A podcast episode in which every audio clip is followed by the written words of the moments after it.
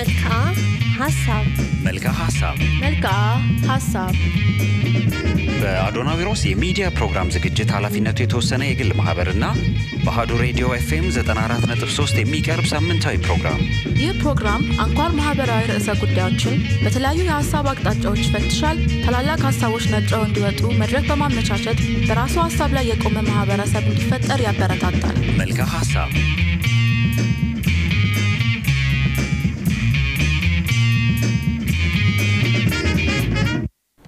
ጤና ይስጥልኝ እንደምንሰነበታችሁ እንደምናመሻችሁ የተከበራችሁ ቤተሰቦቻችን የኢትዮጵያን ድምፅ በሆነው በአህዱ ኤፍኤም 94.3 ላይ በየማክሰኞ ምሽት ከሶስት ሰዓት እስከ አራት ሰዓት ድረስ በቀጥታ የሚቀርብላችሁ የመልክዓ ሀሳብ ፕሮግራም ነው። ፕሮግራሙ የጥበብን ሀሳብ በአንድ በኩል የሳይንስን ንድፈ ሀሳቦች በሌላ በኩል እያደረገ እንግዲህ በተለያዩ የሀሳብ ቀለማት ላይ ለቤተሰቦቻችን የሀሳብ ጉብኝት ያከናውናል። እዚህ ስቱዲዮ የነገረ ጥበብ ተመራማሪውና ደራሲው ጤንነት ሰጠኝ፣ የሳይንስ ንድፈ ሀሳቦች ተንታኝ አቤ ፋንታይና እኔም የፕሮግራሙ አስተናባሪ እስክንድር ክብራብ ተገኝተናል። እንዴት ናቸው? ደህና፣ እግዚአብሔር ይመስገን። በጣም ደህና ነን። እግዚአብሔር ይመስገን። እንዴት ከረምክ? በጣም ደህና። ሳምንቱ ቆንጆ አለፈ። ጥሩ ነበረ። በጣም ጥሩ ጊዜ ነው። እንግዲህ በህይወት ላይ እና በህይወታዊ ፍጡራን ላይ እያደረግን ያለነውን ጉብኝትን በለው አይደል? ምክንያቱም የተለያዩ የሀሳብ አይነቶችን እያወራን ነው ያለ ነው። አንዳንዶቹ አዳዲሶች ናቸው። በተለይ ባለፈው ሳምንት ጤንነት አንስታቸው ከነበርካቸው ርዕሰ ጉዳዮች ላይ በተለይ የባለፈው ሳምንት ርዕስ በዋነኛነት ያተኮረው በጥምረታዊ ፍጡራን ነው። በይሄ ግማሽ አንድ አይነት ፍጥረት በሌላ ግማሽ ደግሞ ሌላ አይነት ፍጥረት ሆኖ የሚመጣውን አይነት የጥምረት አይነት ስታብራራ ነበር። ከዛ ጋር በተገናኘ ከተለያዩ የመልክዓ ሀሳብ ቤተሰቦች የተለያዩ ጥያቄዎች መጥተው ነበረ። በተለይ አንዳንድ ምሳሌዎችን ከግብጽ ሚዞች ጋር ወይንም አፈታሪኮች ጋር በተገናኘ አሁንም በግብጽ ፒራሚዶች ላይ የሚገኙ ስዕሎችን ላይ የሚታዩ ግማሽ ሰው ግማሽ እንስሳ አይነት ፍጡራንን ከነገረ ጥበብ እይታ እያብራራህ ነበር እና እሱ ትንሽ እንዲብራራላቸው ይፈልጋሉ። አሁንም በተለይ በ social media ዎች ላይ በጣም የሚራገቡ አንዳንድ ርዕሶችም አሉ። ለምሳሌ በጣም ዝነኛ የሆነው እንደዚሁ አይነት የጥምረት ሂደት በምዕራባውያኑ ባፎሜት የሚባለው ሰውና የጎት ወይንም የፍየል ጥምረትን የሚያሳይ ነው እና ጭንቅላቷ የጎት ነው ላይ ገዛ ሰውነቷ የሰው ነው እና እንዲሁም ዓመተ ምሕረቱን ረሳሁት። አውሮፓ ውስጥ አንድ የባቡር ውስጥ ለውስጥ የምድር ባቡር I'm sorry የምድር አልኩ ከምድር በታች የሚዘገዘግ የባቡር ጣቢያ ሲመረቅ የምረቃው ስነ ስርዓት ላይ የታየው ትርኢት በጣም ለየት ያለ እንግዳ ነበርና እዛ ላይ ይህ አሁን እዚህ በሚዲያዎች ላይ በ social media ዎች ላይ የምትታየው ይቺ ባፎሜት የምትባሏ ቅርጽ በጣም ጎልታ ታይታለች እና ምንድን ነው ነገር ብላ ተብሎ በተለያዩ ሚዲያዎች ላይ ጥያቄና መልስም ውዝግብም አስነስተው ነበር። እስኪ ከነዚህ እነዚህ እነዚህ ፍጡራን ለመሆኑ በአፈ ታሪክም ይገለጹ አሁንም በተለያዩ ቅርጾች ይምጡ ምንድን ነው አንተ ያለህ ሀሳብ እና እስኪ ትንሽ ተንተን አድርግልን። ምንድን ነው እሱ በአብዛኛው እንግዲህ እኛ ይበልጥ ኢትዮጵያውያኖቹ ወይም ደግሞ ሌላም የአፍሪካ ሀገራትም ሊሆኑ ይችላሉ፣ ግን ከምዕራባውያኖቹ በተለየ ሁኔታ ስለ እነዚህ ስለ ጥምር እሳቤዎች ያለን ነገር ጥቂት ነው። ነገሩ በባህላችን ውስጥ ወይም በአኗኗራችን ውስጥ በስፋት ያሉ ቢሆንም የምንረዳቸው ግን በዚህ መንገድ አይደለም። ይበልጥ በሃይማኖታዊ ክፍል በኩል ላይ ልክ እንደ ሴጣን እንትን ምናምን ብለን ነው በአንድ ሳይድ የመውሰድ አይነት ነገር ዘርፍ ውስጥ የማስቀመጥ አይነት ነገር ይታያል። ግን ይህ ሀሳብ ግን ሰፊ ነገሮችን የያዘና አሁን ባለፈው እንዳነሳሁት ይህ ጥምር የመፍጠር ሂደት ከሚባሉት ውስጥ የመጀመሪያው የነፍስና የስጋ ጥምር ነው እና አንድ ጥምር የሚባለው ሁለተኛው ጥምር የሚባለው የነፍስ የስጋና የገጸ ነፍስ የሚባለው ክፍል አለ። የመንፈስ የሚባለው ክፍል የእሱ ጥምር እንዳለ፣ ሶስተኛው ጥምር የሚባለው ደግሞ ይሄ ፍጥረታት ለምሳሌ አዋፍት ከሰው ልጆች ጋራ፣ የሰው ልጆች ከእንስሳት ጋራ፣ እንስሳት እንደዚህ እያልን የምናመጣቸው ጥምር የመፍጠር ሂደቶች ነው። እዚህ አሁን ላነሳልኝ ጥያቄ የዚህ ከግማሽ የሴት ምስል ከላይ በኩል ላይ ደግሞ የፍየል የሚታይበት አለ። በአብዛኛው እንግዲህ ይህንን ክፍል አብዛኛው ይሄ አሁን በ social media ውም በአብዛኛው እንትን ላይ ይሄ ከ illuminant እሳቤ ምናምን በሚሉት ይሄ መገለጥ እሳቤ ይመስለኛል። illuminant ማለት ሀሳቡ ያው በዛ በኩል ፍጥር ማብራት ማብራት ማለት ነው ራሱ ትርጉሙ። illuminant ማለት እንደዚ አይነት ነው እሳቤው ራሱ ትርጉሙ ራሱ ያለው እና የዛን ሀሳብ በመውሰድ ወይም እንደነዚህ አይነት የ secret society ወይም ደግሞ ሚስጥራዊ ማህበረሰብ አለ በሚለው ውስጥ ተካቶ ያ ሚስጥራዊ ማህበረሰብ የሚገለገልበት ወይም የሚጠቀምበት ክፍል ነው የሚል ሀሳብ አለበት እሱ ግን አሁን እነሱ የሚጠቀሙበትም ቢሆን ያው እየተጠቀሙበት ስለሆነ የሚጠቀሙበትም ቢሆን የዚህ አስተሳሰብ መሰረት ግን ዛሬ በዚህ ትውልድ የጀመረ አይደለም። ትውልዱ ሊገባው የሚገባው ነገር አንዱ መሰረታዊ ነገር ይሄ መሆን ስላለበት ማለት ነው እና ዛሬ የጀመረ ሀሳብ አይደለም። ይሄ በፍጥረታት ታሪኩ ውስጥ እንዳልኩ አራት አይነት የጥምር አይነቶች ሲመጡ አንዱ የጥምር ዘርፍ ተብሎ የሚባለው ግማሽ ሰው ግማሽ ይሄ ፍጥረታት እንስሳት እንግዲህ አራት አይነት ፍጥረታት ስላሉ ሰው እንስሳት አራዊትና አዋፍት ናቸው ያሉት አራት ምድብ ነው ያሉት እና እነዚህ ከአራቱ ምድቦች እርስ በርሳቸው ያደረጉት የጥምር ሂደትን የሚያመለክት ነው። ይሄ ክፍል በጣም በስፋት ባለፈውም ሳምንት እንዳነሳሁት በስፋት በዚህ በግብፅ myth ኦች ላይ በጣም ይታያል። ይበልጥ የግብፅ ፒራሚድ እንትኖች ላይ በብዛት ለሚመጣ ሰውና እዛ አካባቢ ላይ ለሚመለከት ሰው ወይም ደግሞ የነሱን script ጽሁፎቻቸው ላይ የሚመለከት ሰው በየግድግዳ ስዕሎቻቸው ላይ እነኚህን ምስሎች በብዛት ያያል። እና ይሄ የአንበሳው የሰው ይሄ ቅልቅሉ ነገር በጣም ይታያል። እና በዛን ወቅት እንግዲህ ከአማልክት ዘርፍ በኋላ ከምናወራው ቀድሞ የነበረ እሱ ስለነበረ በዚህ በግብፅ ሀሳቦች ውስጥ ቀድሞ ያለ ሀሳብ ነው።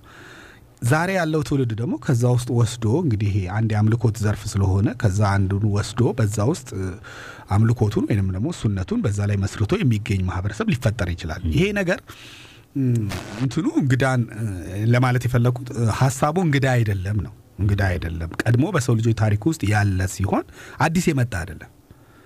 ምናልባት ሴት ነች አሁን እዚህኛው ላይ የምትታየው ሴት አለች። ከላይ ፍየል ነው የሚታየው እና የወንድ ፍየል እንደሆነ ነው የሚያሳየው። ወንዱ ፍየል ከሴቷ ጋራ ያላቸው አካል ጋራ እንዳለ ከግማሽ በላይ የሚያሳይ ነገር ያሳያል። ይሄ ዱዋሊዝም እሳቤ ያለበት ውስጡ ይሄ ዱዋል የሚባል እሳቤ ያለ እነዚህ እነዚህ ነገሮች እዛ አካባቢ ላይ ይታዩበታል። ይኸው ኢኩሊብሪየም ምናምን የሚሉትም ሀሳብ አለበት እዛ አካባቢ ላይ እና ሌላው ግን እዚሁ ላይ እንደገና ማለት ነው እና ጎልቶ አልወጣ ሊሆን ይችላል እንጂ የበግ ደግሞ አለ። ቀንዱ የተጠመዘዘ የተጠመዘዘ ሀፍ ሰው የጭንቅላቱ እንደገና በግ የሆነ ከታች ደግሞ ወንድ የሆነ ሰው የሚያሳይ ደግሞ ሌላ ክፍል አለ። ስለዚህ እነዚህ ሀሳቦች ምንድነው አሁን እንዳልኩ ከተለያየ አቅጣጫ ያው አንዱን ዘርፍ ይዘው መተውበት ሊሆን ይችላል። እነሱ ግን ሀሳቡ ግን ጥንታዊ ነው ነው ሀሳቡ ጥንታዊ ነው። ዛሬ የመጣ ሳይሆን ትላንትም የነበረ ጥንታዊ የአስተሳሰብ ዘርፍ ነው። እንደው እኮ ለነገሩ እንትናል ነው እንጂ አሁን ይሄ የንስሩ ደግሞ አሁን ብንመጣ ንስር ከግማሽ በላይ ይሄ ወፍ ሆኖ ከታች ሰው የመሆን ባለፈው ሳምንት እሱ አሁን እጁ ላይ ይሄ ቶ ፊደል ይይዛል። አሁን ቶ ሚትል ፊደል የሚመስል በዚህ እጁ ላይ ያንጠለጥላል። አሁን ይሄ ቶ ፊደሉ የእሱ ምልክት ነው። እኛ ጋር እኮ ብዙ ቦታ ላይ እንገለገልበታለን። ይሄ ቶ ፊደልን አንዳንድ ሰዎች እንደውም ለእንትን አንዳንድ ቦታ ላይ ይጠቀሙበታል አይደል? እንደ ምልክት አድርገው። ያው ይሄም እኮ የጥምር ዘርፍ ነው። አሁንም ይሄ የወፍ ስለሆነ አይደለም፣ ያቺ ፍየል ስለሆነች አይደለም። ይሄም አንድ ያው የጥምር ሀሳብ ነው ማለት ነው። ስለዚህ ይሄ የጥምር የምንለው ሀሳብ ያለና የተያያዘ ነገር መሆኑን ማወቅና ጥንታዊ እንደሆነ ይሄ ክፍል ታዲያ ምን ምን ነገሮችን ይዟልና ያው መጥፎም ነገር አለው ጥሩም ነገር ሊኖረው ይችላል። እንግዲህ የሁለቱም አቅጣጫ ሁሉ ነገሮች የየራሳቸው ነገር ይኖራል። ግን እንደ ሀሳብ ደረጃ ግን ትውልዱ ከአዲስ ነገር የተፈጠረ ነገር አድርጎት ማሰብ ሳይሆን ጥንት የነበረ ሌሎችም በጣም ብዙ እንዳሉ እንደዚህ አይነት የታወቁት እነኚህ ስለሆኑ ድንገት ወደ ፊት መጡ እንጂ ሌሎችም እንዳሉ መረዳት ያለበት ይመስለኛል። ሌላው ምንድን እሱ ወደ ሀገራችንም ተጨባጭ ሁኔታ ብንመጣ አሁንም ይሄ ከጥምር እሳቤዎች ውስጥ አንደኛው አሁን እኛ ሀገር ላይ ይሄ ከግማሽ በላይ ሰው ከግማሽ በላይ ምናምን የሚለው የለም፣ በብዛት የለም ማለት ይቀላል። ብዙ ኢትዮጵያ ውስጥ ይሄ ጎልቶ አይታይምም፣ ሲነገርም አይሰማም። እስካሁን እኛም ባለን ጥናት እንደዛ የጎላ ነገር የለም። ግን ይሄ ተመስሎ ግን ያለው ግን አለ። ዛሬም ኢትዮጵያ ውስጥ ተመሳሳይ ነው። ያው ጥምር ሆኖ ግን ሙሉ ለሙሉ ፍጥንትን ይሆናል። ለምሳሌ ሙሉ ለሙሉ እባብ የመሆን ሙሉ ለሙሉ ጅብ የመሆን ሆኖ የሚመለክለት ማለት እኮ ነው አይደል? የሚመለክለት የሚሰጠው ግብሩ የሚሰጠው እባብ ሆኖ ግብሩ የሚሰጠው የሚሰጠው ያው ይህም እኮ የጥምር ዘርፍ ነው። ለውጥ የለም። ጥንት ዘመን ላይ እንደምትለው ይሄ እንዴ ነው ደራጎኑ መጥቶ ሰው ሊን ሰው ስጦታ ተሰጥቶት ምናምን እያለን እንደምንተርካቸው ጥንት እንደነበሩት አይነት እሳቤዎች ይሄም ሀሳብ ኢትዮጵያ ውስጥ በጣም አለ፣ በጣም በስፋት አለ። በየገጠሩ በየአንዳንዱ ኑሮ ውስጥ በየባህል ውስጥ ገብተህ ስትመለከት ያ ነገር ያሳይ። ይሄም የጥምር ዘርፍ ነው።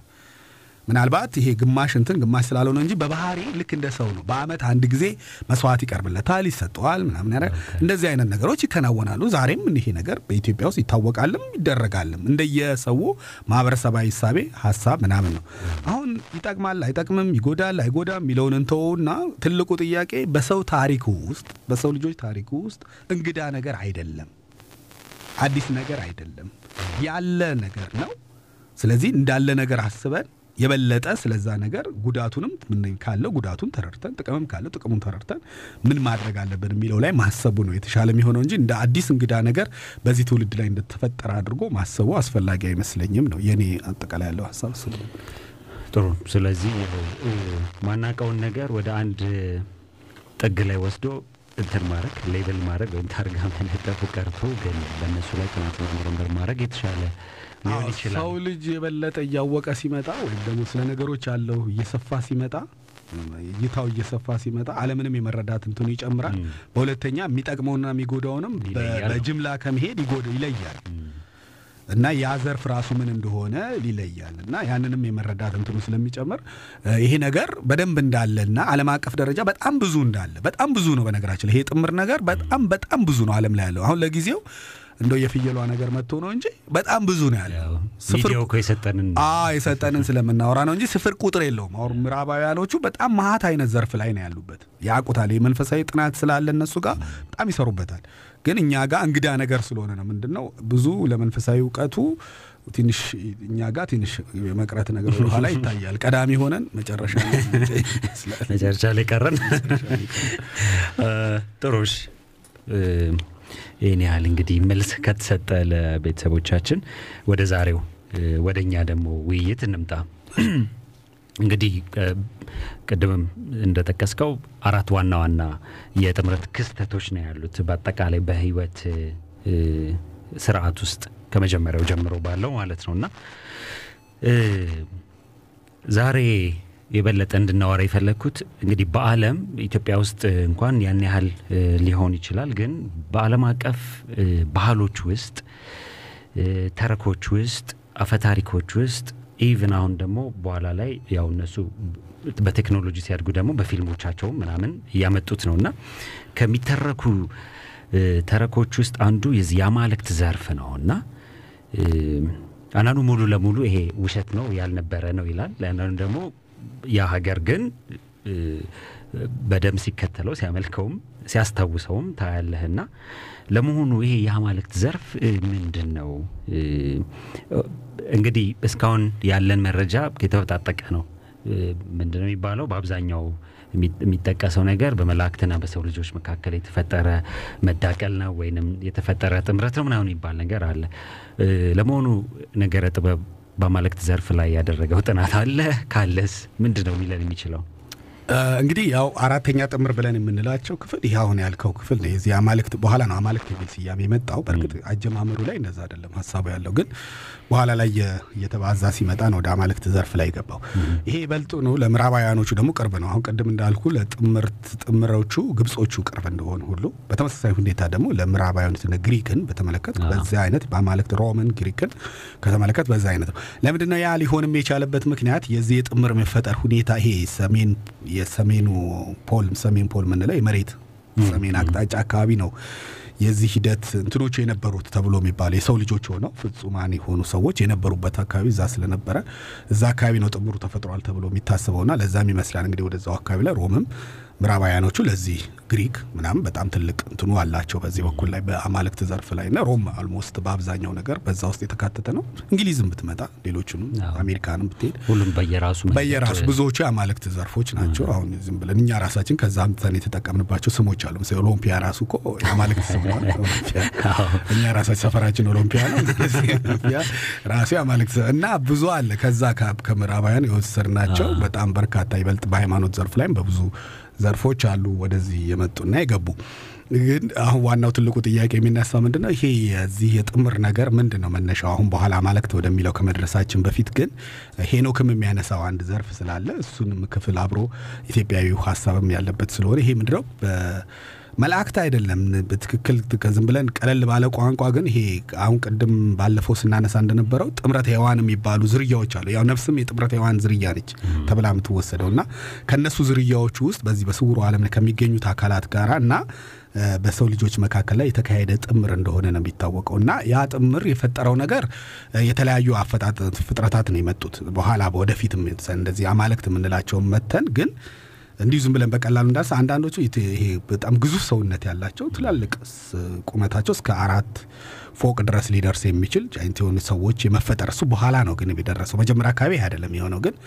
ዝም ብለን እንዲሁ ሀሳቡን አጠር ለማድረግ በኋላ ላይ አራት ፎቅ ምናምን ምናምን የሆኑ እንደተፈጠሩ የሚያሳያል። አንዳንዶቹ ደግሞ ኖርም ሙሉ ለሙሉ የሰው አካል የሰው ቅርጽ መጠን ያላቸው እንደ ማንኛውም ሰው እኩል ናቸው። ግን የኃይላቸው መጠን ግን ከፍ ያለ ለምሳሌ ትልቅ ማንም ሰው አያነሳውም የምትለውን ትልቁን ድንጋይ አንድ ሰው በአንድ እጁ ብድግ ያደርግልሃል። ግን ስታየው ያው መጠኑ ያው እንደ ሰው እኩል ነው መጠኑ እና እንደዚህ አይነት የሆነ ፍጥረት የመፈጠር ሁኔታ በኋላ ደግሞ ሲመጣ ይሄ ቢዩቲ ውበት የሚሉት ሀሳብ ያለ እሱ ምንድነው የዚህ የፍቅርን፣ ጥላቻን፣ ረሃብን ምናምን የምትላቸውን እነኚህ የመንፈስ የመንፈስ ዘርፎች ወይም የመንፈስ የመንፈስ አካላዊ የሚባሉትን ዘርፎች ደግሞ የመያዝ ሁኔታ። ስለዚህ አሁን በእያንዳንዱ ስ አማልክት አላቸው እያንዳንዱ እንደዛ የግሪክ በጣም ያወራዋል እንደዚህ አይነት ተሳቢዎች እነኝ እነኝ ደግሞ በኋላ መምጣት እና እንዳልነው ምንድን ነው የአንድ ዘርፍ ስለሆነ የአንድ አቅጣጫ ስለሆነ ያው ራሱን ችሎ የሚሄድ ነው። ዛሬም ድረስ ይሄ ተረክ አለ። ዛሬም ድረስ ይሄ ሀሳብ ኢትዮጵያ ውስጥም አለ። ያው በተወሰነ ደረጃ ላይ ቢሆን ያው መልኮቹ የሚቀያየርም ቢሆን ግን ዛሬም ድረስ በሰው ልጆች ታሪክ ውስጥ ግን እንደ አንድ የዝርያ እንደ ሰው ዝርያ እንደ አንድ አካል ተደርጎ ዛሬም ድረስ የሚታይ ክፍል አለው ማለት ነው እና ይህንን የሚመለከት ነገር ነው ያለው። ያዚህ የአማልክት ዘርፍ በኋላ ነው የመጣው። በእርግጥ ስለሱም በኋላ ወይ ልተነትነው ይችላለሁ። ጥሩ እንግዲህ አብይም በሳይንሱ ዘርፍ እንግዲህ እንደዚህ ወደ ኋላ ሄዶ ሊያጠና የሚችል ዘርፍ አርኪኦሎጂ ነው እና በአርኪኦሎጂ ዘርፍ ላይ የተከናወኑ ጥናቶች ደግሞ እነዚህን ጥምረቶች ወይንም እነዚህ የተለየ አፈጣጠር ያላቸውን ፍጡራንን የማግኘት እድል አጋጥሞታል ወይ? አው በአርኪኦሎጂም ቢሆን በሳይንስም ውስጥ ቢሆን በሰው ልጅ ታሪክ ውስጥ የነበሩትን ነገሮች ለማጥናት ወደኋላ ሲካሄድ በተለይ ብዙ በጣም መሄድ ከትላልቅ ድንጋይ የተሰሩ እንትኖች ግንባታዎች የሚገኙበት ቦታ ላይ ምንድን ነው ያንን የሚያንቀሳቅሰው ምንድን ነው ያንን የሚሰራው የሚለውን የመፈለግ ሂደቶች አሉ። በተለይ አሁን ግብጽ ላይ ያሉት ስዕሎች ምኖች ሲታዩ ብዙ መረዳቱ ባይኖርም ግን የተለዩ ፍጥሮች እንዳሉ የሚያሳዩ ነገሮች ነበሩ። ነገር ግን ከዛ በኋላ ባሉ በፊትም በነበሩ የአርኪኦሎጂ ፍለጋዎች ላይ በጣም ግዙፍ የሆኑ ቅሪተ አካሎች በብዙ ቦታዎች ተገኝተው እንደውም በዓለም አቀፍ ደረጃ አንዳንድ ሙዚየሞች ውስጥ ተቀምጠው ይገኛሉ እና ግዙፍ የሆነ የሰውነት አካል ያላቸው እንትኖች በአውሮፓም ውስጥ በላቲን አሜሪካ ሰሜን አሜሪካ ውስጥ ብዙ ቦታዎች ላይ በ18ኛው ክፍለ ዘመን በ19ኛው ክፍለ ዘመንም እንዲህ በየዘመኑ በተለያየ ለማይኒንግ ሲቆፈር የተገኙ አሉ። ሌሎቹ ደግሞ የድሮ ከተማዎች አግኝተው ሲቆፍሩ ያገኟቸዋሉ እና እንደዚህ የተለያዩ ቦታ የተገኙ እነዛ እንደ አንድ መረጃ ሆነዋሉ። ግን አሁን በቅርብ ያየሁት እንትን እንደውም ባለፈው አመት የአንድ ከእንግሊዝ የመጣ የአርኪኦሎጂ ቡድን ኢትዮጵያ ውስጥ ቁፋሮ ያደርጉ ነበረ። ምስራቅ ኢትዮጵያ ላይ ከድሬዳዋ 25 ኪሎ ሜትር ርቀት ላይ ሀርላ የምትባል ከተማ ተገኝታለች የሚል መጀመሪያ ሪፖርት ያወጡት አለ። ሙሉ ሪፖርቱ እስካሁን አላ አግኝቼ አላየሁትም። ግን እዛ ላይ ያገኟቸው ሁለት ቅሪተ አካሎች ነበሩና እና እዛ አካባቢ ጃይንት የሆኑ ሰዎች ይኖሩ ነበረ የሚል በእኛም ሀገር ውስጥ እንዲህ አይነት ነገር እንዳለ ይነገራልና የአካባቢዎቹንም ሰዎች ያሉትን ገበሬዎች ሲጠይቋቸው ሌሎች እቃዎችም በእርሻዎቻቸው ውስጥ ያገኙ እንደነበረና በታሪክም በነሱ በአፈ ታሪክ በሚመጣው ጃይንት የነበሩ ወይም በጣም ትልልቅ የነበሩ ሰዎች ድሮ እዚህ አካባቢ ነበሩ የሚል ተረኮች እንዳሉ ያሳያሉና እዚህም እዛም እንግዲህ አንዳንድ ይህንን የሚያመላክቱ ነገሮች በአርኪኦሎጂም በጥናት የተገኙ ነገሮች አሉ።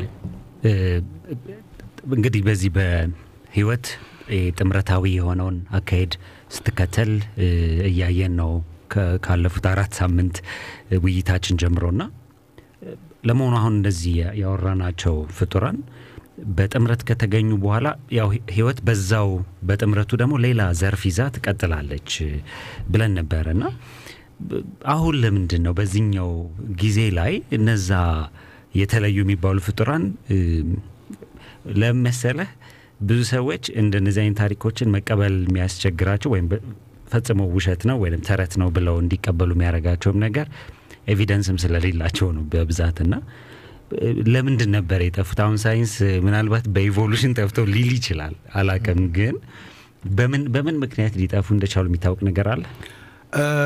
አሁን ምንድን ነው ለእኛ ነው ጠፉ ብለን የምናመጣው እንጂ እነሱ የጠፉ ሆነው አይደለም። አሁን ቅድም ባለፈውም እንዳነሳሁት አንድ መስመር ይዞ ሲመጣ ይዞ ነው የሚመጣው። ምናልባት የቅርጽ ለውጥ ሊያመጣ ይችላል። የቅርጽ ለውጥ ማለት ቀድሞ ከምታቀው በተለየ መንገድ ሊመጣልህ ይችላል። በተለየ አካሄድ ሊመጣ ይችላል። ለምሳሌ አሁን ብንወስድ አሁን ቅድም ባነሳ ነው በጥምር ውስጥ ምስላ ከላይ ፍየሏ ከታች ሴት ሆና በውን ያለች የለችም፣ ሊያገኟትም አይችሉም። በአምልኮት ደረጃ ነው። በአምልኮት ማለት እንዳለች አርገህ አምልኮት ማለት ያው የሌለን ነገር እንዳለ አርገህ አስበህ በመምጣት ውስጥ ነው። በአማልክት ተረክ ውስጥ ብትመጣ በብዛት ብትመጣ በአማልክት ታሪኮች ውስጥ እንዳለ አርገህ መምጣት አትችልም። ያው አማልክቶቹንም ያው እንዳሉ አስበህ ግን ለነሱ በአምልኮቱ ነው ከነሱ ጋር ከነሱ ጋር ትስስሩ አምልኮት ሲሆን እነሱ በስውሩ ዓለም አንተ በዚህ በሆኑ ዓለም በሚለው ግንኙነት ነው ማለት ነው። አሉ ግን በማይታየው ውስጥ ይሆናሉ ግን አንተ በሚታየው እነሱ በማይታየው ሆናችሁ ሆኖ በሁለቱ መካከል በአምልኮት አማካኝነት የሚካሄድ ግንኙነት የሚያሳይ ነው። ሌላው ግን ምልህ አሁን የይዘት ለውጥ አምጥቶ የምንለው የይዘት ለውጥ የይዘት ለውጥ ማለት የቅርጽ ለውጥ ሲሆን normal ቀይሮብህ ማለት ነው። የይዘት ለውጥ አምጥቶ ደግሞ ለምሳሌ ፍየል ምናምን ሳይሆን እዛው በጥምር ውስጥ የሚገኝ ነው። እባብ ሆኖ ጅብ ሆኖ ሌላ ፍጥረት ሆኖ ልታየው ትችላለህ እኮ አይደል? አሁንም አለ። ግን ያው ሰው ልጅ ምንድነው የሚወስደው ያው እንደ ጅብ ነው በቃ ስታየው ጅብ ስለሚመስል ያው ጅብ ነው ብለህ ትዘጋለህ። ያው እባብ ስለምታየው እባብ ግን ባህሪውን ግን ገብተህ ግን ብታጠናው ያለው ሂደት ልክ የሰው ባህሪያቶች ውስጡ ታገኝበታል። ምክንያቱም በአግባቡ መስጠት ያለብህን ካልሰጠኸው ምናምን ይሄም እንግዲህ ምን ይደረጋል ይሄ እውን በሆነውና በዚህ በሰው መካከል ደግሞ አሁንም በአምልኮት ግንኙነቱ ይካሄዳል። ምክንያቱም ለዛ እባቡም ይሁን ለጅቡም ይሁን የምታደርገው ነገር ግንኙነት ያንን የሚፈጥሩ አለ ይሄ ኢትዮጵያ ውስጥም አለ። ገብተው በገጠር በጣም በብዛት ተስፋፍቶ የሚገኝ ሀሳብም ስለሆነ ይህን ያህል እንትን የሚያደርግ ሀሳብ አይደለም። ስለዚህ አሁን አሉ ቅርጽ ለውጥ ነው የሚያመጡት ማለት ቦታቸውን የመቀያየር ነገር ሆኖ ነው እንጂ ሀሳቡ አለ። ነገር ግን በዚህ በጥምር ታሪኮች ውስጥ አንዱ ምንድን ነው እነዚህ የጥምር በሚፈጠርበት ሰዓት ላይ ቀድሞ የመጣውን መጀመሪያ ያለውን መስመር የሰው ልጅ ሊጎዱት ስለሚችሉ ምን ማለት ተፈልጎ መሰለ ለምሳሌ በጎች አሉ እንበልና በነዛ በጎች ውስጥ የተለየ ዝርያ እዛ በጎች ውስጥ መጣ። ሲመጣ በአቅምም በጉልበትም በብዙ ነገር ያ አዲሱ ዝርያ ስለሚበልጥ እነዛን ለማጥፋት ሊሞክር ይችላል። ስለዚህ ይሄ ደግሞ የፍጥረታት ነገር ይሄ balance የማድረግ ነገር ስላለ ገብተዋል። አንደኛው አንደኛው ላይ ተጽዕኖ ምክንያቱም መጥፋት ስለሌለበት ማለት ተፈጥሮ ልክ እንደ ነች።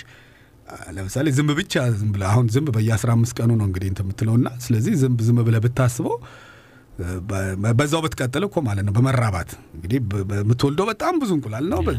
እነኛ በአንድ ቢባዙ እኮ በአንድ ወር በሁለት ወር ውስጥ ዓለምን ሊሞሉት ይችላሉ። ግን ያ አይሆንም። balance ተፈጥሮ ያው በአስራ አምስት ቀን ይሞቱና ያስተካክላል፣ balance ያደርጋል። ልክ እንደዛው አንደኛው አንደኛው ላይ ተጽዕኖ እንዳያሳድርበት ስለሚፈልግ አንዳንዴ ያጠፋቸዋል፣ መሀል ላይ ያጠፋቸዋል እና ምን ያህል እርግጠኛ ይሁን አሉ ግን አላቅም። ብቻ ግን ያለው እኛ ጋር ያለውን መረጃ ልንገርህና ዝም ብለውና ሀሳቡ ለአህዱ ቤተሰቦችም እንትን እንዲያደርጋቸው። አሁን ይሄ ትልልቅ ጃይንት የሆነ ድንጋዮች የሰው ቅርጽ የሚመስሉ ድንጋዮች ራሳቸውን ወደ ድንጋይ ቀይሯቸው ነው ነው የሚለው አንዳንድ ቦታ ላይ አሉ ወደ ፔሩ ምናምን ፔሩ አካባቢ ላይ ላቲን አሜሪካ አሁን ተደርድረው ተደርድረው ተደርድረው ተራራ ላይ ታያቸዋለን። እንዲህ አፍጠው አንድ ቦታ ሰበሰባቸው ይላል እና ድንጋይ ያደረጋቸው ይላል እና ወደ ድንጋይ ቅርጽነት ተቀየሩ። በቃ እና ድንጋይ ድንጋይ ሆነው አፍጠው አፍጠው አፍጠው አፍጠው ተቀምጠዋል ይላል እና እንደዛ ያደረጋቸው ጊዜ አለ እና ይሄንን ሲያደርግ ያው ቅርጻቸው እንትኑን ይቀይርባቸዋል ማለት ነው። አሁን ከሰው ልጅ ጋር ይሄ ከዚህኛው normal ካለው ሰው ጋር እንዳይገናኙ የማድረግ ነገር ያደርጋል። ግን ይሄም ቢሆን ግን የሰው ልጅ ግን እየተሻገረ ይገናኛል። ያው እንደምልህ ነው። ያው ከላይ ከላይ ያለ ነው እኛ አይ እውነት አይመስለንም እንጂ የሰው ልጅ ግን በጣም ገብተህ ጥናት ስታጠና ግን በጣም የሚገርም ነገር ታገኛል። የሰው ልጅ ሩቅ አይደለም እነዚህ ነገሮች ምናልባት ደጅ ደጁን ነው ይሄኛውን እንግዳ ለመምሰል። እንግዳ የምንመስለው እንጂ ቤት ቤቱ ሁሉም ስትገባ የሚገርም የሚገርም ነገር ነው የምታገኘው እና የተሳሰረ ነው ለማለት ፈልጌ ነው እና የጠፉ ነው ምናምን ይሻገር የሚለው የሚለውን ብዙ- ወድጀዋለሁ። ጤንነት የድንጋዮቹን ጉዳይ ሲያነሳ ብዙም እኔ አሁን ያየኋቸው ጥናቶች ከላቲን አሜሪካ ይጨምርና ይሄ ፔሩ ያለው በየቦታው እና ግዙፍ ድንጋዮች የሰው ፊት ቅርጽ ያላቸው ብዙ ድንጋዮች ተነስተው document ተደርገው ከዛ ጋር እንደሚገናኝ አየር ተደርገው ጥናት ሲያጠኑባቸው በአርኪኦሎጂዎች አይቻለሁ እና አሁን አንተ ስትላቸው ነው እና እንደውም ፊታቸው በሆነ አቅጣጫ ተደርገው በጣም ተሰብስበው የቆሙ አይነት የሚመስሉ ልክ እንደ ሐውልት ያሉ እንትኖች አሉ ፔሩ አካባቢ። ግን እዛ ብቻ አይደለም ነው የሚሉት የሆነ መስመር ተከትሎ ይሄዳል ብለው map ለማድረግ የሚሞከርም ጥናት ነበረ። እስከ ቻይና ድረስ እና እንደዚህ አይነት በግብፅ አድርጎ ምናምን ምናምን ነገር ገብቶኛል። አዎ። እንደዛ አይነት ሀሳቦችም አሉ። ግን ምንድን ነው እሱ ሀሳቡ ያለው? እንትን አይደለም፣ ሩቅ አይደለም እኮ አሁን ጠፉም ተብሎ የሚባለው ይሄ የኖህ time የኖህ የኖህ ጊዜ ላይ ነው እንደጠፉ የሚታሰበው ሀሳቡ ያለበት ምናምንና እነሱም ነበሩ ተብሎ የሚባለው ከኖህ በኋ- በፊት ላይ በነበሩት ጊዜያቶች ነው። እና ቅርብ ነው ማለት ነው። እንደዚህ ብለን ብናስበው ማለት ነው። እና ጥምር እንደውም ይቀድማሉ ጥምሮቹ ትንሽ ራቅ ይላሉ የኖህ ጊዜ ላይ እነዚኞቹ ወደዚህ ቀረብ ይላሉ ማለት ነው እና የዛን ሰዓት እንግዲህ ሰብስቧቸው ነው የሚለው አንድ ቦታ ሰብስቧቸው ከዛ ወዲያ ወያ ወደ ድንጋይነት ቀየሯቸው ይላል ግን እስቴታቸውን ቀየሯቸው ቢባል ይቀላል ፎርማቸው ተቀየረ ይሻላል። አዎ ምንድነው በፍጥረታት እሳቢዎች ውስጥ የሚጠፋ ፍጥረት የለም። አንዱ በጣም ከባዱ ጥያቄ አሁን ለብዙ ሰው ትንሽ ግር ሊል ይችላል፣ ግን ሀሳቡ የሚጠፋ የሚባል ነገር የለም። ያ ሁሉም state ኡን ሊቀየር ይችላል እንጂ አቅጣጫ እንትኑ ሊቀየር ይችላል እንጂ ቅርጹ ይቀየር ይችላል እንጂ ይጠፋል የሚለው ሀሳብ ወዴት ይሄዳል? ጠፍቶ ጥያቄው እኮ እሱ ነው። universe ነው። universe ውስጥ የት ይሄዳል ብለህ አንተ ዝም ብለህ ብታስብ አንድ እቃ ውስጥ ውሃ አድርገሃል እና ከእቃ ውስጥ የማይወጣ ከሆነ ውሃው የት ነው የሚሄደው? ማለት ጥያቄ ያለው እንግዲህ ወጥቶ ሌላ መሄጃ እስከ አይጠፋል ብትል የት ይሄዳል ነው ጥያቄው። ገብተዋል ለመኖር የሚባል እንትን ውስጥ አይመጣም። ስቴቱን ነው የሚቀይረው። ያው ስቴቱን እንትኑ ቅርጹን ይቀይር ይችላል። ያ አይነት ሁኔታ አሁን ቀድሞ በምታውቀው ላታውቀው ትችላለህ አይነት ነገር ነው ያለው። ግን በብዛኛው ግን ሲታሰብ ምንድነው የሰው ልጅ በብዙ መንገዶች ላይ ሲታይ እንደዚህ አይነት እንደውም ይሄ አሁን ያልኩ ይሄ የመሰወሩ ነገር ባይኖር የሰው ልጅ አሁን የምናውቀው ትውልድ የሰው ልጅ ሊኖር አይችልም ነበር ይመስለኛል። ምክንያቱም በእነሱ በኩል ላይ ያለ ነገር ብዙ ጣጣቸውም ብዙ ስለሆነ ከዚህ ሰው ጋር አብሮ ቢቀላቀል እንዲህም ሆኖ አልተቻለም። እንኳን ተራርቀንም ተራርቀንም አልተቻሉም እንኳን አብረን ሆነን። ስለዚህ እነሱ በሌላ እኛ በሌላ ውስጥ መሆናችን ጥሩ ነገር ይመስለኛል እንደ ሀሳብ ጥሩ እንግዲህ እዛው በአማልክት ዘርፍ ላይ እንግዲህ የተለያየ አማልክት የተለያየ አይነት ኃላፊነትና ስልጣን ተሰጥቷቸው ይታያልና አንዳንዴ እንደውም የመንግስት ካቢኔ ውስጥ ያለ ሹመት ነው ላ የሚመስለው የእንትን ሚኒስቴር ምናምን እንደምንለው የፍቅር አምላክ የምናምን አምላክ የጦርነት አምላክ ይባላል እና ከነዛ ውስጥ ግን እኔ ማወቅ የፈለግኩት የቴክኖሎጂ አምላክ አለ ወይ? ምክንያቱም እንደዚህ አይነት ሩመሮች አሉ በብዛት እና ምክንያቱም አን- አንዳንድ የሰው ልጆች ቴክኖሎጂን የወሰዱት ወይም የተዋሱት ከአማልክት ነው የሚሉ ተረኮች አሉ። ለመሆኑ ቴክኖሎጂና የአማልክት ዘርፍ የሚያገናኛቸው ነጥብ አለ እንዴ? በደንብ አለ። ምንም ጥያቄ ነገር አይደለም። ይሄ ምክንያቱም ምንድነው ብዙ ነገሮች ያው ለእኛ አይመስሉንም። ሳይንሱ ተመራምሮ ምናምን የደረሰበት ምናምን ሊመስልን ይችላል። ግን ሳይንሱ ያደረገው ምንድን ነው? ከዛ ያለውን ሀሳብ ወደሚታይ ነገር ወይም ደግሞ ወደ ቁሳዊ ነገር ስለቀየረው ሊሆን ይችላል ልዩነቱ እንጂ የመጀመሪያዎቹ ሀሳቦቹ ከኋላ ነው የሚመጡት። ይሄ ምንም አጨቃጨቅ አይደለም።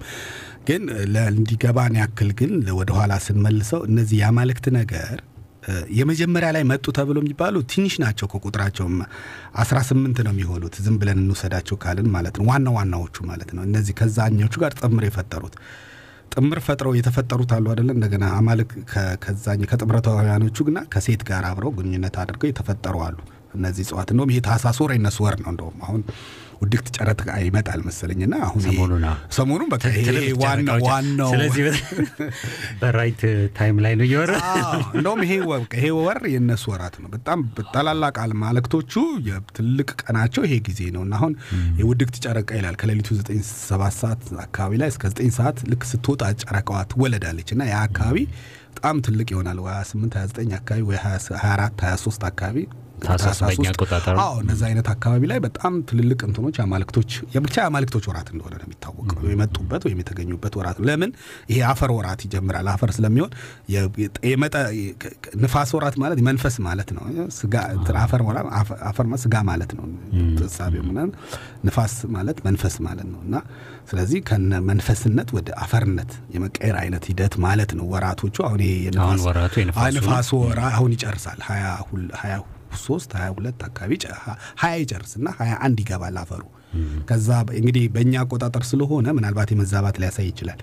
በዛኛው ይሄ በሌላው በዚህ በዩኒቨርስ አቆጣጠር ሌላ አቆጣጠር አለ። በዛ አቆጣጠር ግን ካስገባኸው ትክክል ይመጣልህ ይችላል እና እዛ አካባቢ ላይ የሚያሳይበት ወራት ነው። አሁን ስጋ የመሆን እድል ያሳዩበት ወቅት ነው ማለት ነው ይሄ ሰዓት ላይ የሚያመለክተው እና መጀመሪያዎቹ ትንሽ ናቸው፣ 18 ምናምን ናቸው። ግን እነሱ የወለዷቸው ልጆች እንደገና እርስ በርሳቸው ተጋብተው እንደገና እየተጋቡ ዝርያቸው ቀጥሏል። በዛው እርስ በርስ እየተጋቡ ማለት ነው እና እየተጋቡ እየተጋቡ ቀጥለው በኋላ እንደው ጣጣው መጣ ብለው የሚሉት እርስ በርሳቸው መጋባታቸው አይደለም ችግር የፈጠረው እንደገና ከሰው ልጆች ጋር እነሱ ደግሞ መቀላቀል ጀመሩ። እሱ ነው አደገኛ የሆነው። እንደገና የነኚህ የአማልክት ዝርያ ያላቸው ከሰው ልጆች ጋር መቀላቀል ምናምን ጀመረ እና እርስ በርሳቸው የተዋለዱት ናቸው አማልክት የሚባሉት ተዋልደው የተገኙት እንጂ የመጀመሪያዎቹ አይደሉም። የመጀመሪያዎቹማ እናት ናቸው ምናምን ምናምን የሚባል ነገር አለበት። እሱ ሌላ እንትን ያለው ዋና ዋናዎቹ ማለት ነው። ግን ከዛ በኋላ ያሉት ግን እርስ በርስ ከሁለተኛው generation በኋላ ከሰባተኛው generation ነው የሚለው ግን ዝም ብለን በሁለተኛው ብትለው ችግር የለውም። ግን ከሰባት generation በኋላ ላይ ግን የመጡት ወደ አማልክትነት ሲመጡ እርስ በርስ ይሄ ውድድር ዓለም ውስጥ ገቡ። ገባ ይሄ ዓለምን የመቆጣጠር ስርዓት ውስጥ ገቡና እርስ በርስ የመሽቀዳደም አይነት ነገር ሲጀምሩ እያንዳንዱ በተለያየ ነገር ላይ መሰልጠን ጀመረ። ያላቸውም የተሰጣቸው ጸጋ ይለያያል እንደየራሳቸው። ለዛ ነው አሁን በፍቅር በጣም እጅግ የረቀቁ እንትን ያደረጃሉ። ረሃብ የረሃብ አማልክት አለ። የእያንዳንዱ በምትፈልገው አለ በቃ እና እያንዳንዱ ይሄ እርስ በርሳቸው የመወዳደር እንትን ውስጥ ገቡና እንግዲህ ራሱን የቻለ አንድ ትልቅ ዓለም ነው ይሄ ዓለም እና በጣም ብዙ ነው። አሁን ለአህዱ ቤተሰቦች በጣም ግልጽ መሆን ያለበት ነገር ይሄ የምናወራው ነገር አንድ ወጥ አይደለም። ልክ አሁን እንደ ሰው ልጆች ውሰድ። ለምሳሌ አሁን ዝም ብለህ አንተ ከሰማይ ላይ ከላይ ሆነ የሰው ልጆች ሁሉ አንድ አይነት አይደሉም አይደል? እንግዲህ በአህጉር ይለያያሉ፣ በብሔር በምናምን በሀገር ይለያያሉ፣ በእምነት በሃይማኖት ይለያያሉ። መሀት አይነት ናቸው አይደል? ልዩነት በባህሪያቸው ይለያያሉ፣ የሚወዱት ማይወዱት። እንደገና በግላቸው ደግሞ ስትገባ የራሳቸው ነገር አላቸው ደግሞ በየራሳቸው እንደገና እንደገና። ስለዚህ እንደዚህ ዝብርቅርቅ እንዳለ የሰው ልጅ ሁሉ እነሱም እንደዛ ናቸው ወደዛ ስትገባ። ምክንያቱም መሀት አይነት ነገድ ነው ያለው እና ዋና ዋናዎቹ አስራ ሁለት ነው የሚባሉት። ግን ዝም ብለህ ግን ስትገባ ግን በዛው በነገድ ውስጥ በነገድ ውስጥ እንደገና እየሰፋ እየሰፋ እየሰፋ እየሰፋብህ ይመጣል። አሁን ቅድም ለጠየከኝ ጥያቄ የቴክኖሎጂውንም ዘርፍ ላይ ያሉ አሉ። እነሱ ይሄ ስድስተኛ ዘርፍ የሚባል ነው እንትኖቻቸው ስድስት ነው የሚመጣው እና ከስድስተኛው ዘርፍ ላይ ይሄ ቴክኖሎጂው ላይ በጣም ትልቅ ርቀት የሄዱ ከተሞች ያሏቸው ትልቅ አሳቢዎች ያሏቸው ምናምን አለ። አሁን እዚህ እኛ አሁን በምንኖርበት አለ invisible እሳቤ ገና ሳይንስ እየሞከረው መሰለኝ አብይ የሆነ የሚያግዘኝ ይመስለኛል ናሰብ ገና invisible ን ገና እየሞከረው ይመስለኛል። እነሱ ግን ብቻ በቀላል ቋንቋ ለመነጋገር አሁን ባለው የሰው ልጅ ካለው ቴክኖሎጂና እነሱ ባላቸው ቴክኖሎጂ መካከል የአምስት መቶ ዓመታት ልዩነት gap ታገኝበታለህ ማለት ነው። የሰው ልጅ ቢደርስ ከአምስት መቶ በዚሁ ፍጥነቱ ቢቀጥል የአምስት ቢቆሙ ለዛውም የዛን ያህል ልዩነቶች አሉ። ምን ማለት ነው? አሁን ለምሳሌ አሁን ለእኛ በስልክ እዚህ ቁጭ ብለህ አሜሪካን ከሚገኘው ወዳጅ ጋር ለዛውም በሞባይል በአየር ላይ በሄደ ነገር ማውራት ምናምን ከዛሬ ሀምሳ ዓመት በፊት ብታስበው በጣም አስደንጋጭ ነው። ከዛሬ ሀምሳ ዓመት በፊት አርባ ዓመት ሀምሳ ዓመት በፊት እንትኑም የስልኩም አስገራሚ ነበር። የሽቦ ራሱ የገመዱም አስገራሚ ነበር። አሁን እዚህ ደር ከዚህ በላይ ደግሞ ሌሎች ይችላል። ይህና ይሄ invisible የሚባለው ምን ሀሳብ መሰለ እንግዲህ አሁን ይሄ ስልክ ወይም ደግሞ ድምፅ ሞገድን በመተላለፍ አሁን invisible ነው እሱ ምን በሚባል የማይታይ ምንለው በአማርኛ መጣ invisible እና አሁን ለምሳሌ አንተ ስልክን አንስተ ስታወራ ከአሜሪካን ያለው ሰው ደውሎል ሲያወራህ በአየር ላይ ያለውን ድምፅ ማንም ሰው አያየውም። በመንገድ ላይም ሲሄድም ያንተን ድምፅ አያዩትም። ያ normal ነው የሚሄዱት እነሱ ምንም የሚያዩት ነገር የለም። ግን አንተ ግን እያወራህ ነው። ይሄ ምንድነው? በማይታይ ነገር ውስጥ ነገሮች እየመጡ ነው ማለት ነው። ልክ ይሄ ለድምፅ ነው የመጣው። ልክ እንደዛው ለቁስም ለቁሳቁስም ይህን ነገር የማምጣት ነገር አሁን ያኛው በጣም ብዙ ሄደውበታል እነሱ ቁሳቁስ አሁን ወደዚህ ለማምጣት ሙከራ እየተደረገ ነው። ይሄ ምን ማለት ነው? ይሄ ከተፈጠረ እኮ አስደንጋጭ ነገር ረበጠው ማለት እኮ ነው። ቁሱን invisible ማድረግ ከተቻለ እኮ ታንኩን አምጥተ ሳሎን ላይ ታንኩን አምጥተ ሳሎን ላይ ወይም ደግሞ ሰዎቹን ሳታያቸው በቃ ጥበቃ ምናምን ሁሉ በቃ ግራ ነው የሚጋባው ማለት እኮ ነው። ማንንም ማንንም አይጠብቅም ማለት ነው። ገባ በጣም ከባድ ነው የሚሆነው ማለት ልትቆጣጠረው አሁን ድምፅን መቆጣጠር እንደማችለው እኮ ነው ማለት ነው። ገብተዋል። አሁን አሁን በአየር ላይ ያለውን ማን ነው የተነጋገረው እስቲ ልጠብቅ ብትን በምን ትጠብቃለን? ልክ እንደዛ ይሄ በ object ም በቁስ ነገር ላይም ይሄን ነገር እየሰሩ ይሄን አሁን ያኛው በጣም ያውቀዋል ማለት ስለዚህ እንደዚህ አይነት በጣም ትልልቅ ስራዎች አሉ። ለማንኛውም ግን ሳይንሱም ቢሆን ከዛ እየተበደረ ነው እንጂ በሚለው እንጂ idea ውን እየተበደረ ነው። ግን practical ማድረጉን እሱ ይሰራዋል ማለት practical ማድረጉ ይሰራዋል። ብዙ ጊዜ በሳይንስ ውስጥም ቢሆን ከተፈጥሮን በማየት ነው ብዙ ነገሮች የሚሰሩትና አሁን አንተ ይህን ስታነሳው ለምሳሌ ይሄ unknown flying object የሚባለው ተገኘ ወይም ታየ ሲባል ብዙ ጊዜ ፍጥረት ወይም አንድ ህይወት ያለው ነገር አይተው አይደለም። ብዙ ጊዜ የሚበሩ ዲስኮች ናቸው እና ስለዚህ ያ ቴክኖሎጂ አለ እዛ አካባቢ የሚለው አይነት እሳቤዎች እንደዛ አሉ። ስለዚህ በሳይንሱም ውስጥ የሆነ ቴክኖሎጂ ያለው ነገር የሆነ ቦታ አለ የሚለው ግምት ስላለ ነው ሌሎችንም ፍጥረታት ፍለጋ ላይ ሳይንስ የሚሄደባቸው መንገዶች አሉ። አሁን ይሄ invisible ምናምን ያልካቸው አይነት እሳቤዎች ብዙም አልሄዱም። ግን ለምሳሌ አሁን አውሮፕላኖች ራዳር የሚለቀውን እንትን ስበው እንዲያስቀሩት ለማድረግ ብርሃን ሲሄድ እዛው ስበው አስቀርተውት እንዳይታዩ ለማድረግ የሚሞከሩ ሙከራዎች አሉ እና ከይሄኛው እንትን ሲባል ባህር ውስጥ ያሉ አሳዎች አሉ። እንዲህ ማድረግ የሚችል ቆዳ ያላቸው የሚመጣውን ጨረር absorb አድርገው የሚያስቀሩ። እሱን ካገኙ በኋላ ያንን እንስሳ ወስደው በ reverse engineering ወደ መኪና ወደ አውሮፕላኑ ለመውሰድ እየተሞከረ ያለ ነገር አለ። እና ምናልባት እንግዲህ ከውጭውም ያለውም ሊሆን ይችላል ግን በአካል የምናየው አውሮፕላኑ ያው ከወፎች ነው ብዙ የተኮረጀው። እንደዚህ ተመሳሳይ አይነት ሂደቶች ይታያሉ ይመስለኛል። ምንድን ነው መሰለ አንዱ ትልቁ ነገር ይሄ አሁን እኛ እስከምናውቀው ድረስ ይሄ አስተምሮት በምንለው ዘርፍ ላይ ነው። ሳይንስም አስተምሮት ስለሆነ በትምህርት ቤት በምንማረው በምናምን በምናምን ውስጥ እንጂ ይሄ ቀጥታ ከተፈጥሮ ጋር ባለ ግንኙነት በሚፈጠር የሀሳብ መስመር ላይ መንፈሳዊ ዘርፍ ነው ይሄድን የሚያውቀው። መንፈሳዊ ዘርፍ ጥናት በራሱ መንፈሳዊ ዘርፍ ጥናት የሚባለው ላይ አስተምሮት የሚባለው የሃይማኖትንም ጨምሮ አስተምሮት ስለሆነ አንድ ዘርፍ ነው። መንፈሳዊ ዘርፍ የሚባለው ምንድን ነው? በአንተና በተፈጥሮ መካከል ላይ በአንተና ወይም በፈጣሪም ከፈለግ ቀጥታ በአንተና በፈጣሪ መካከል ብቻ በሚደረግ ቀጥታ ግንኙነቶች ውስጥ የሚታወቁ ነገሮች ማለት ነው። እነዚህኞቹ እሳቤዎች የመንፈሳዊ ዘርፍ ጥናት ማለት ነው። የአስተምሮታዊ ጥናት የሚባለው ግን ተጽፎ ለምሳሌ እኔ መንፈሳዊን ጥናት እስካደረግኩ በኋላ ያንን ወደ አስተምሮት መጣና በዛ መሰረት ሌሎቹን አስተምራለሁ። ገብቶሃል ተከታይ ማፍራት ማለት ነው። አሁን ሳይንስ በዛ መሰረት ትምህርት ቤት ተከፍቶ እንደዚህ እንደዚህ ነው ምናምን መጀመሪያው source ኡ ግን የመጣው ከዛኛው ላይ ነው የሚመጣው ከመንፈሳዊ ዘርፍ ጥናት ላይ ነው። ለዚህ መንፈሳዊ ዘርፍ ጥናት ምናልባት እኛ ለሃይማኖታዊ ክፍል ብቻ ስለምንወስደው ነው እንጂ ለሁሉም ነው። ለፍጥረታት አጠቃላይ ፍጥረታት ቀጥታ ከተፈጥሮ ጋር ወይም ከአጠቃላይ ከ universe ጋር communicate የሚያደርጉበት መንገድ ማለት ነው መንፈሳዊ ዘርፍ ጥናት ማለት። ስለዚህ ያ ጥናት ደግሞ ምንድን ነው? ይሄ አሁን እንዳልኩ ይሄ አማልክትም ዘርፍ በለው ይሄ ስውር ዓለምን በል ምንም በል ያው ተፈጥሮ እስከሆነ ድረስ ከነሱ ጋርም የሚደረግ ግንኙነት በአንተና በእነሱ መካከል ነው። ገብቶሃል? እና በጣም sense የሚያደርገው ያ በዛ ደረጃ ላይ ያለ ሰው ነው ያንን መረዳት የሚችለው። ስለዚህ ያ ግን ይቀመርና በቀመር ወደ ቀመር ወደ ጽሁፍ ወደ ምንድነው ወደ መረጃ ወደ ምናምን ይሆንና በመረጃ መልክ ይጠናከርና እንደገና simplify ይደረጋል። simplify ቀለል እንዲል እንዲገባ ለማስተማር እንዲገባ ምናምን ተደርጎ ወደዚህ ይመጣና ለማስተማር ይሞከራል። ከዛ ሰዎች በዛ ባዛ አስተምሮት ውስጥ እንዲኖሩ እንዲመላለሱ ከዛ እንዲከተሉ ምናምን ያደረጋል። ግን ቀጥታ እነሱ ግንኙነት የላቸውም። ያው በተማሩትና በያዙት መረጃ ብቻ ነው። በቃ already information ነው ያላቸው። በያዙት information data ብቻ የሚኖሩ ሰዎች ይፈጠራሉ። ቀጥታ ደግሞ ግንኙነቱ ያላቸው ሰዎች ደግሞ ይፈጠራሉ ማለት ይህን ነው የሚመስለው እና እኛ ሀገር እችኛዋ የመንፈሳዊ ዘርፏ ስለማትታወቅ መሰለኝ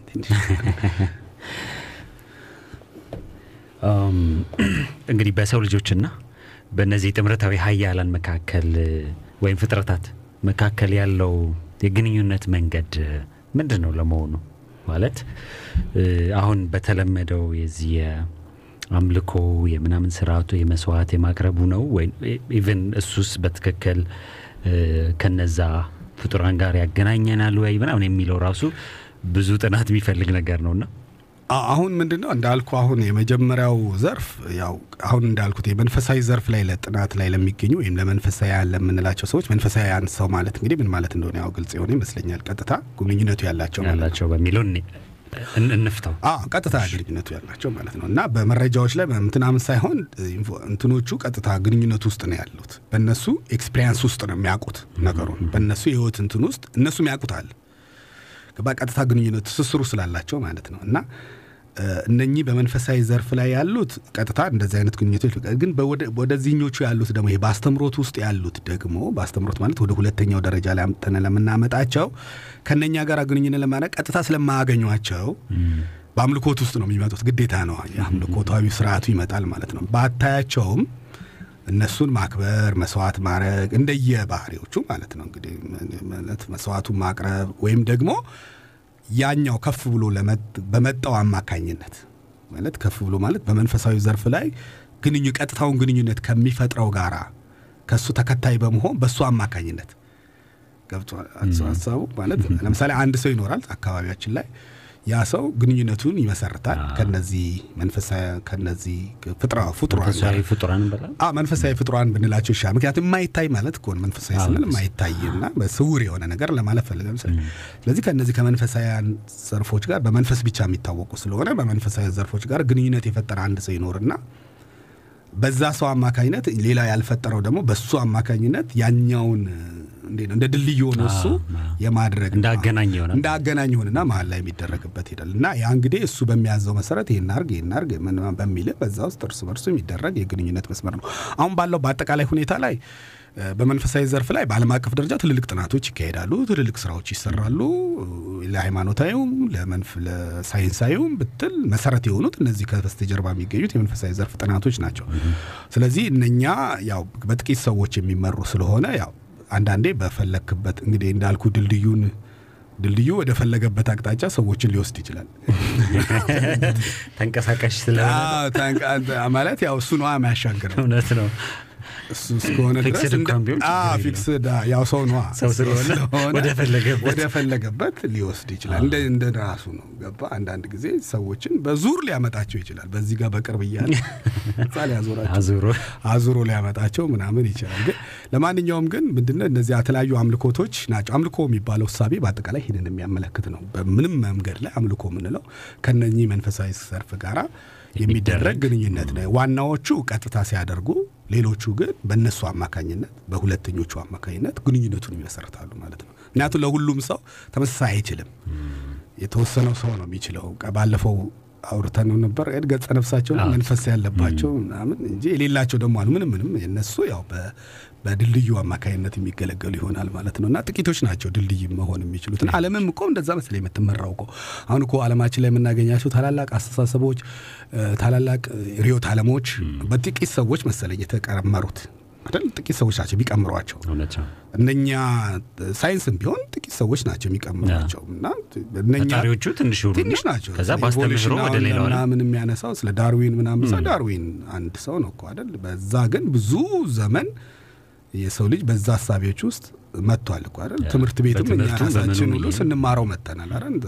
እንደዛ ስለሆነ ይሄ ድልድዩን የሚሰሩት ጥቂት ናቸው። እነሱ በእንትን ባሉት መሰረት ከኋላ ያለው በዛ መስመር ይሰለፋል እና ይህንን የሚመለከተ ያለ ያው የተሰለፈው በሙሉ እንደ አንድ ሰው ይቆጠራል ማለት ነው። ማለት ነው። ነው የሚሆነው። ወደ መጨረሻዎቹ ጥያቄዎች ልምጣና ለመሆኑ ኢትዮጵያ እና ኢትዮጵያውያን የጥንቱም ኢትዮጵያውያን ስል እንግዲህ አሁኑን ያለውን ብቻ ማለት አይደለም። ገብቶኛል ገብቶኛል ወደ ኋላ ያለውንም ትውልድ ማለታችን ነው። የኢትዮጵያን መሰረት የጣሉ የጣለውንም ትውልድ የድሮንም ጭምር እንግዲህ ያላቸው የጥበብ ደረጃ ወይም የመንፈስ ደረጃ ወይም የሀሳብ ደረጃ እንበለው ሁላችንም በሚያግባባ ቋንቋ የሀሳብ ደረጃ ላይ የደረሱትን ጨምሮ ለመሆኑ ያ አስተሳሰብ እና አሁን የምናወራቸው በህይወት ላይ የመሰልጠን ወይም በህይወታዊ ፍጡራን ላይ የመሰልጠን ጉዳይ ኢትዮጵያና ኢትዮጵያውያን ያላቸው ሚና ምንድን ነበር?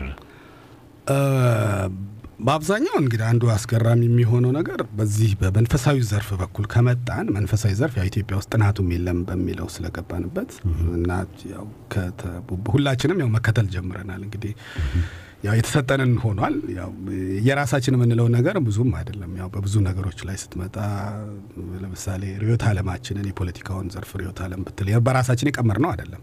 ያው ከተውሰን ነው በሌሎችም ሃይማኖታዊ ዘርፎች ላይ ብንመጣ እንደዛው እየተዋስን ነው። በብዙ ነገሮች ላይ እንደዛ ነገር ይታያል። ግን በዝርዝር ነገር ግን ወደ ኢትዮጵያ ጥቅል ጉዳይ ላይ ስትመጣ ግን ጥንት በነበረው መሰረት ላይ ኢትዮጵያ ለዓለማት ቀመሩን የሰጠችው እንደውም እሷ በቀለል ቋንቋ ማምጣት ከተፈለገ ማለት እሷው ሰጥታ እንደገና ዞሮ እሷ ተቀባይ ሆና ይታያል። በጣም የሚገርም አዙሪት ነው ኢትዮጵያ ውስጥ የሚያሳይ። ለምንድን ነው ይሄ ቀጥታ ያለውን ግንኙነት የማድረግ ብቃቷ እንዳልኩ ድልድይ የመሆን ብቃቷ ኢትዮጵያ ውስጥ በጣም ትልቅ ደረጃ ነበረ ነበረ በጣም ትልቅም ነበረ። ያ በምን መንገድ እንደጠፋ አይታወቅም። ያው ብሎ በመረጃ ላይ ብቻ base አደረገ ወይም እንትኖች ላይ ብቻ አደረገ። ስለዚህ በተሰጠን ብቻ ታጥረን የመቀመጥ አይነት ነገር ውስጥ ገባን።